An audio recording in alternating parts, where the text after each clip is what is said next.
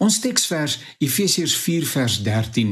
So sal ons uiteindelik almal kom tot die werklike eenheid in ons geloof en in ons kennis van die seun van God. En dan sal ons sy kerk soos 'n volgroeide mens wees, so volmaak en volwasse soos Christus. My opskrif vir liewe Jesus is vir kinders. Af en toe hoor ek hoe groot mense van liewe Jesus praat.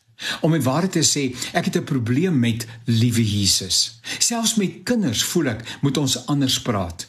Ons kan sê Jesus het jou lief. Dis 'n aangrypende en kosbare waarheid. Liewe Jesus is egter iets en iemand anders as die God van die Bybel. Om mee te begin, weet ek van geen plek in die Bybel waar so na Jesus verwys word nie. Ja, Jesus, die seun van God, die koning van die heelal, die weg, die waarheid, die lewe, die herder, die Messias koning, God in die vlees, maar nêrens liewe Jesus nie. Ek vermoed liewe Jesus is die Afrikaanse eweknie van dear Lord Jesus. Daar is sprake van liewe kinders, soos in 1 Johannes 2 vers 1 waar die apostel skrywe: Ek skrywe aan julle my liewe kinders dat julle nie moet sondig nie. En as een van ons sondig, ons het Jesus Christus, die regverdige, as ons voorspraak by die Vader. Maar liewe Jesus is nie in die Bybel nie. Ook nie die man daarbo nie. Ook nie die ou baas nie. Ook nie die man met die wit baard nie. Trouwens, niemand is daarbo nie.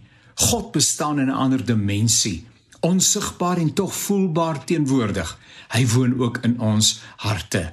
Maar hy is en bly God, Vader, Seun en Heilige Gees. Here Jesus is ewenigs nie 'n lieftallige verwysing na Jesus nie, want Here beteken heerser. Jesus beteken redder. Christus beteken verlosser. Liewe Jesus is iemand anders. Ek haal aan Dominee Ernst Torren. Baie mense ken liewe Jesus as hulle klein is, maar as hulle volwasse word, glo hulle nie meer in hom nie. Hoekom nie? Wanneer die realiteit van die wêreld hulle tref, dan was Jesus maar net 'n kinderverhaal figuur. Dan was hy net gekoppel aan sekere morele lessies. Jesaja 6 vers 3 sê: Die serafs roep mekaar toe: Heilig, heilig, heilig is die Here die Almagtige. Die hele aarde is vol van sy magtige teenwoordigheid.